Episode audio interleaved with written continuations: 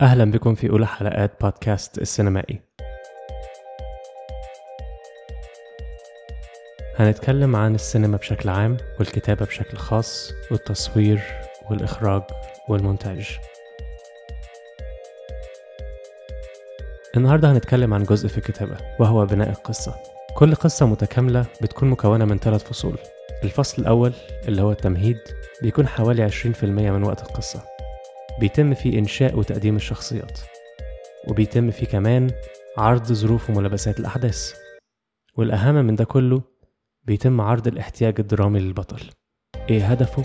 وبيحاول يوصل لإيه في خلال رحلته في القصة.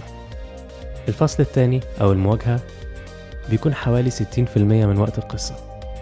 البطل بيواجه فيه عقبات وبيحاول يحلها والعقبات بتزيد وبتبقى أصعب مع الوقت. وهو يا إما بيتغلب عليها يا إما بتتغلب عليه وده بيوصلنا للفصل الثالث اللي هو الريزولوشن الحل. إيه حل القصة؟ وحل القصة مش معناها إن البطل يوصل لهدفه ممكن ما يوصلوش. بس هو إجابة على السؤال هل هيوصل البطل لهدفه ولا لأ؟ علشان نحكي قصة متكاملة لازم إن إحنا نظهر صورة البطل بوضوح من البداية. واننا نقدر نعرض الموضوع الدرامي اللي هو محور القصة والحالة الدرامية اللي هي ظروف وملابسات الأحداث. ونبني عقبات للبطل في طريقه لتحقيق هدفه. وأخيرا نقدم حل مقنع وملموس للقصة. من غير صراعات مفيش أحداث.